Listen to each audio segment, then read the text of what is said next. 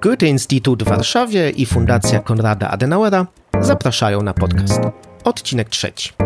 Euroregiony. Współpraca, Wspólnota, Przyszłość. Herzlich willkommen zu einem Podcast des Goethe-Instituts Warschau und der Konrad-Adenauer-Stiftung.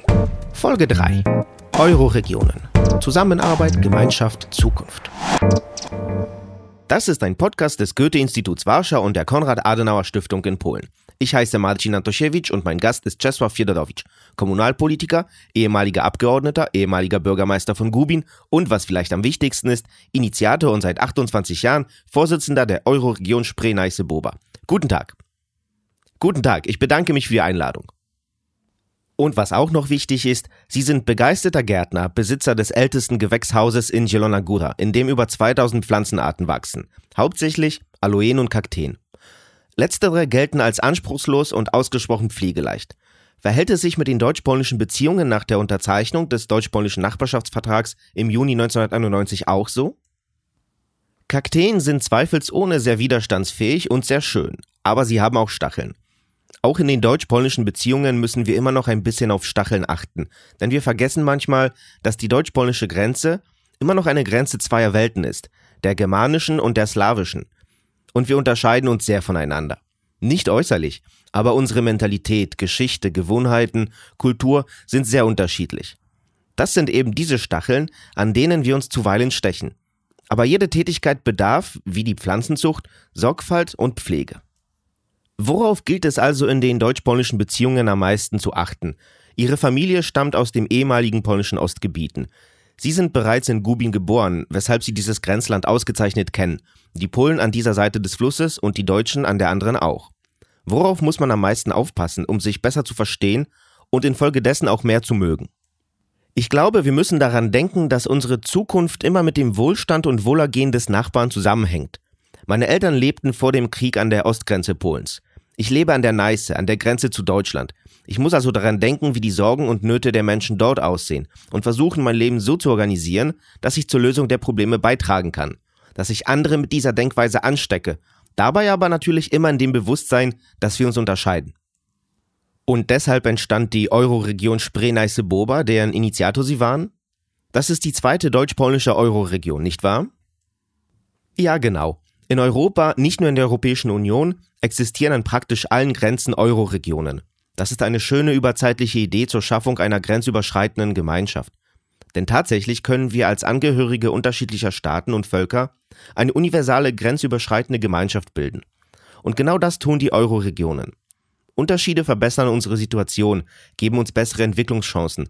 Denn nur dann, wenn wir uns mit anderen vergleichen, wenn wir etwas von ihnen übernehmen möchten, wie wir von den Deutschen, können wir besser werden, aber auch unsere Schwächen erkennen.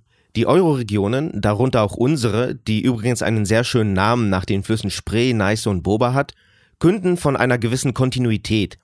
Hier von der Kontinuität der Lausitz. Europa ist nicht erst zu Robert Schumanns Zeiten entstanden. Europa war schon immer da. Jetzt geht es darum, diese Vergangenheit wertzuschätzen, aber zugleich auch auf die Herausforderungen der Zukunft zu reagieren. Bevor wir in die Einzelheiten gehen, schauen wir uns eine Statistik an, die auch ziemlich imposant ist, trotz der im Kontext der europäischen Geschichte vergleichsweise kurzen Zeit, die seitdem verstrichen ist. Seit 2013 sind sie Vorsitzender des Verbands der Euroregionen der Republik Polen.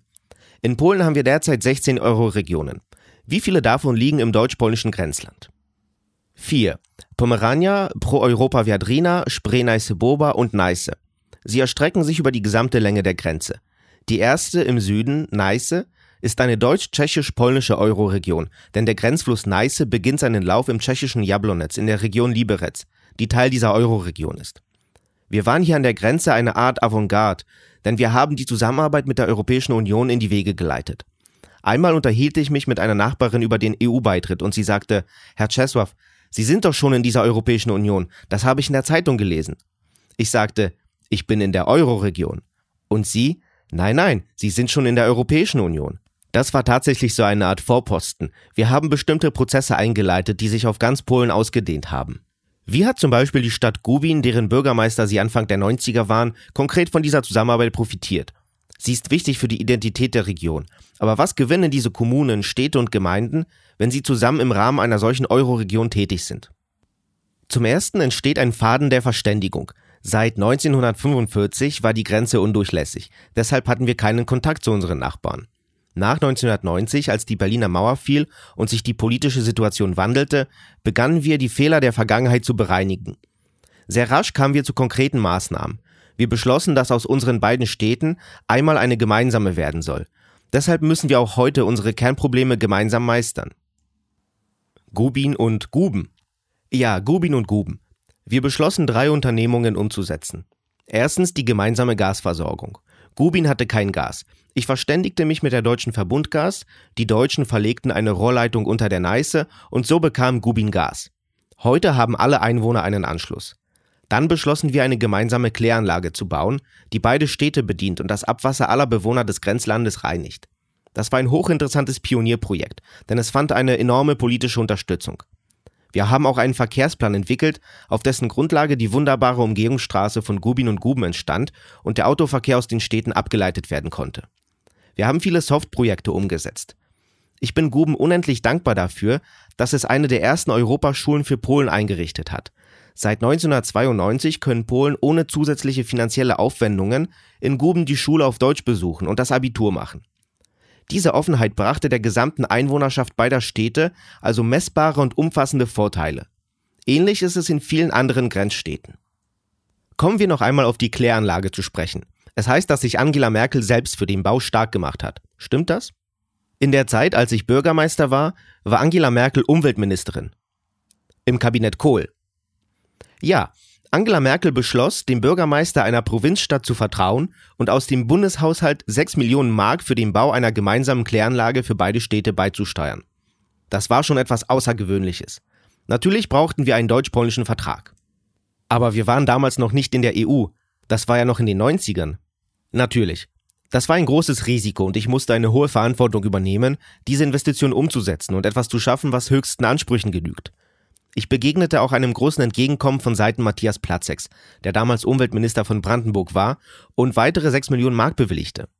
Aus dem Programm Fair CBC erhielten wir einen Zuschuss von 2,3 Millionen EQ, denn damals gab es noch EQ-Zuschüsse. Und so entstand eine schöne Kläranlage. Später, als Angela Merkel Bundesvorsitzende der CDU wurde und Matthias Platzek Bundesvorsitzender der SPD, sagte ich manchmal im Scherz, dass sie deshalb Parteichefs wurden, weil sie der Abwasserreinigung in Gubin geholfen haben und dass jeder, der sich für Gubin und Kläranlagen überhaupt in Europa einsetzt, die Chance hat, zum politischen Anführer zu avancieren. Na eben, wenn jemand in Deutschland politische Karriere machen will, dann muss er durch Gubin. Aber es scheint, dass auch ein späterer Bundespräsident sich dafür interessiert, was in Gubin vor sich geht. Johannes Rau besuchte die Stadt noch als Ministerpräsident von Nordrhein-Westfalen. Ich will nicht behaupten, dass das der Hauptgrund war, warum Johannes Rau Bundespräsident wurde.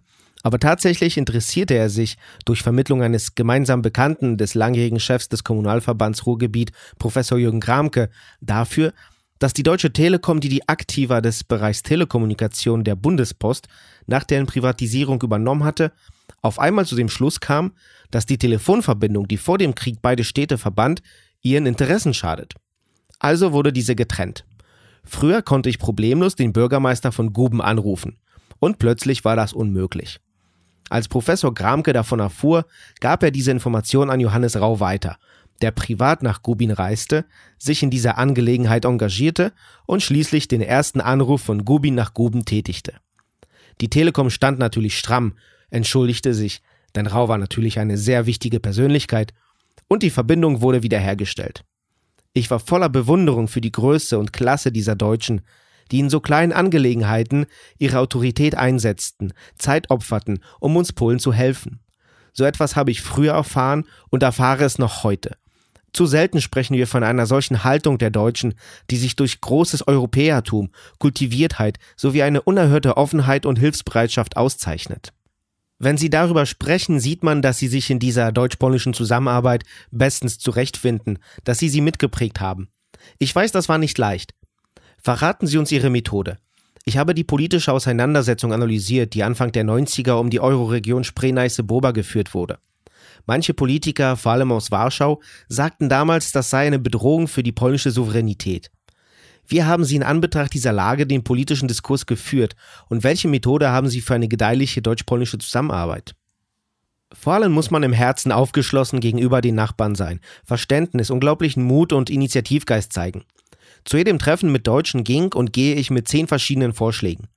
Ich warte nicht darauf, dass die Nachbarn mir etwas vorschlagen. Ich bin aktiv, unterbreite Vorschläge und Lösungen und erkläre, warum diese allen Seiten dienen. Diese Methode habe ich immer eingesetzt, sei es bei der Zusammenarbeit im Rahmen der Euro-Region oder mit dem Nachbarland Brandenburg oder mit Nordrhein-Westfalen oder mit der niedersächsischen Stadt Laatzen, deren Ehrenbürger ich bin. Das ist eine Partnerstadt von Gubin. Da wir die Versäumnisse der Nachkriegszeit wettmachen müssen, ist es unsere polnische Schuldigkeit, schnell, reibungslos, klug und gewissenhaft zu handeln, um zu zeigen, dass Polen sich durch Solidität, Termingerechtigkeit, Verlässlichkeit und Eigeninitiative auszeichnen, nicht durch Nachlässigkeit. Ich strenge mich an, denn ich weiß, dass ich, wenn ich die deutsche Grenze überschreite, zum Botschafter Polens werde. Hinter der deutschen Grenze bin ich der beste Pole, der ich sein kann. Auf diese Weise bringe ich Menschen zueinander oder schaffe ein neues Image von Polen in Deutschland. Das heißt, anstatt sich zu beklagen und zu blockieren, muss man Eigeninitiative zeigen, denn so ist man effizienter. Wissen Sie, blockieren muss man das Wasser in der Badewanne, wenn man ein Bad nehmen will. Aber was die zwischenmenschlichen Beziehungen anbelangt, so muss man nach Anknüpfungspunkten für eine Verständigung suchen, wissen, dass alle Menschen, auch die Deutschen, ihre eigenen Sorgen und Bedenken haben. Manchmal formuliere ich das auch anders. Ihr kennt den Wert des Geldes, also seid ihr so besorgt. Jedes Land, auch Deutschland, hat große Probleme, auch politische. Ich spüre immer noch diese Spaltung in Ossis und Wessis, zwei Wertesysteme, Animositäten, Mentalitätsunterschiede. Während der Feier zum 20. Jahrestag der deutschen Einheit habe ich in der Kirche in Cottbus eine Rede gehalten. Damals sagte man mir, noch nie hat sich jemand über uns so positiv geäußert. Damals sprach ich darüber, dass die Deutschen es verstehen, aus der Notwendigkeit zur Einigkeit im Namen einer guten Sache entsprechende Lehren zu ziehen. Darum ging es bei der deutschen Wiedervereinigung. Wir müssen begreifen, dass wir Polen die Arznei der Einigung nötiger haben als je zuvor. Häufig bringe ich das auch in Polen zur Sprache. Sie sprechen auch oft davon, dass man die Leute kennen muss und nicht fürchten, dass das auch ein Schlüssel für politische Gespräche ist. Sprechen wir also darüber, wie das im Grenzland aussieht. Gubin-Guben ist eine von mehreren Städten, die durch den Fluss geteilt sind. Es gibt noch Skojeles und Görlitz, Słubice und Frankfurt-Oder sowie ein paar kleinere Orte. Sprecht ihr die gleiche Sprache, also gibt es eine Art Sprache des Grenzlandes, ein bisschen Polnisch, ein bisschen Deutsch? Gehen die Schüler, wenn sie den Unterricht schwänzen, auf die andere Seite des Flusses, um dort etwas Interessantes zu finden?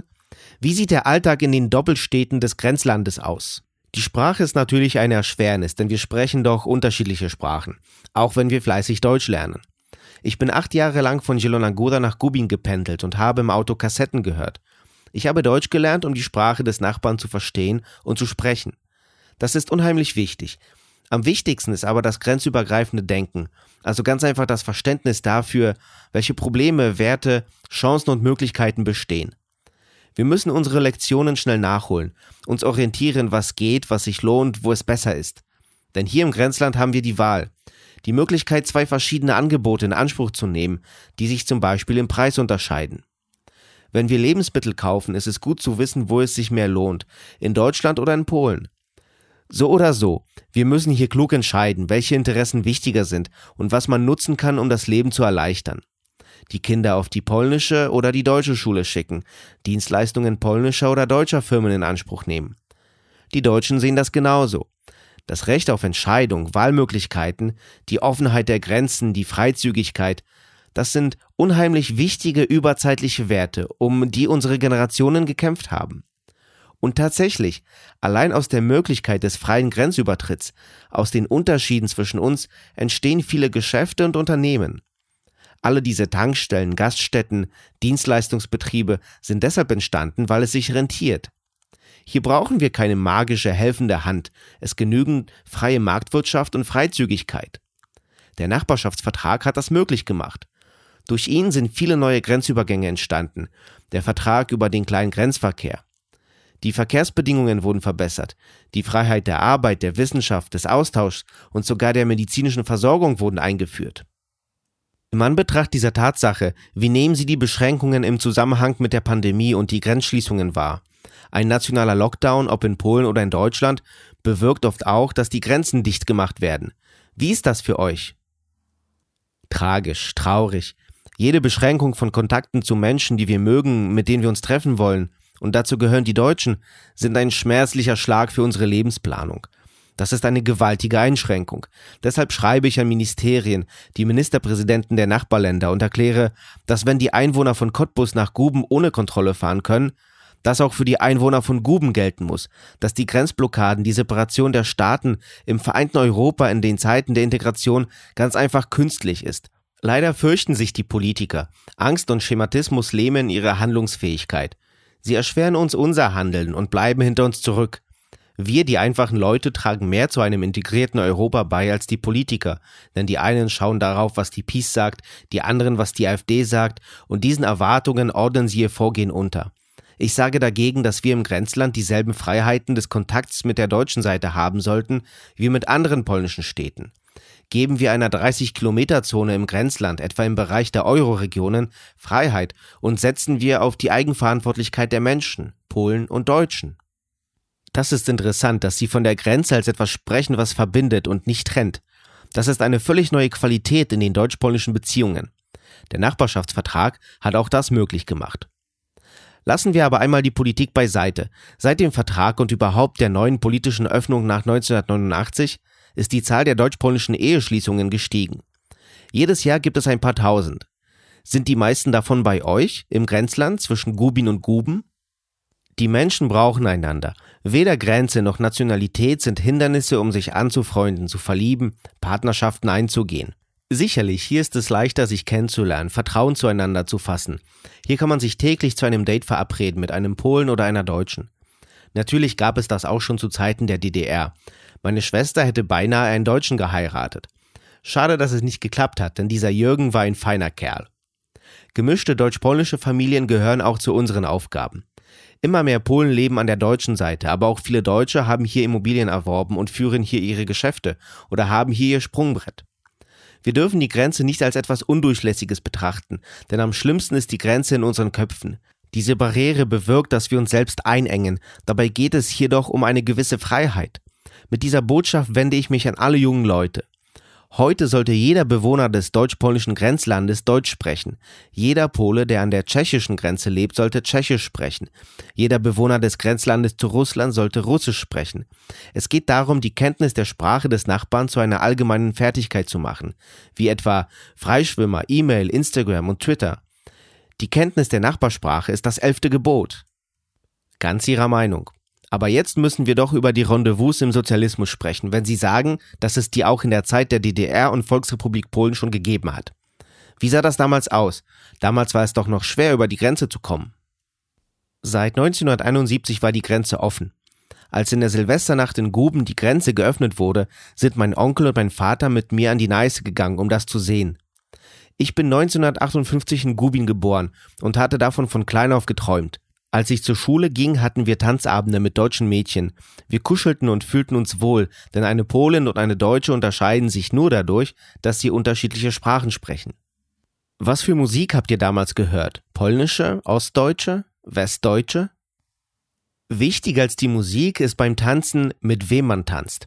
Aber tatsächlich waren einige Rockgruppen aus der DDR auch in Polen populär. Das war eine universale Musik, aber die Deutschen mochten auch unsere Bands. Wenn die Czerwone Gitarre in Gubin spielten, kamen die Leute scharenweise aus der DDR, um sie zu hören. Mir war gar nicht klar, dass sie sich so sehr für diese Band interessieren. Als die Grenze geöffnet wurde, kamen die Deutschen übrigens nach Polen und kauften massenhaft westliche Platten, denn die gab es in der DDR nicht. Polen war in dieser Hinsicht immer eine Art Brückenkopf des Westens. Und auch 1990 und in den Folgejahren gab es hier einen großen Boom, die Suche nach dem, was früher verboten war. Aber eine sehr populäre deutsch-polnische Gruppe ist in den letzten 30 Jahren nicht entstanden, nicht wahr? Das ist wohl eine Aufgabe für die nächsten 30 Jahre. Dann tun wir das. Ich kenne Sänger, die versucht haben, auf Deutsch zu singen, und sogar gar nicht so übel. Aber mir scheint, dass der deutsche Markt von vielen polnischen Interpreten ignoriert wird. Nach der Grenzöffnung fand in Gubin ein großes Rockkonzert statt, zu dem sehr viele junge Leute kamen. Im Grenzland haben wir auch das Poland Rock Festival, das heute auch von zigtausenden Deutschen besucht wird. Ich denke, dass Musik, sowohl Rock als auch Klassik, die Völker einander näher bringt. Musikprojekten widmen wir hier im Grenzland übrigens sehr viel Zeit.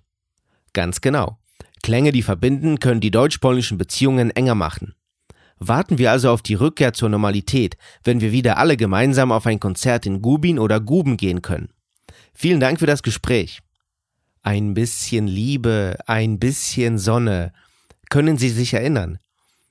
Ja, das ist dieser deutsche Song, der damals den Grand Prix Eurovision de la Chanson gewonnen hat, nicht wahr? Ja. Ein bisschen Frieden, so heißt er genau. Alles Gute. Vielen Dank für das Gespräch. Ich danke auch. To podcast Goethe-Instytut w Warszawie i Fundacji Konrada Adenauera. Zapraszamy do wysłuchania kolejnych odcinków. Das war ein Podcast des Goethe-Instituts Warschau und der Konrad-Adenauer-Stiftung. Hören Sie auch die weiteren Folgen.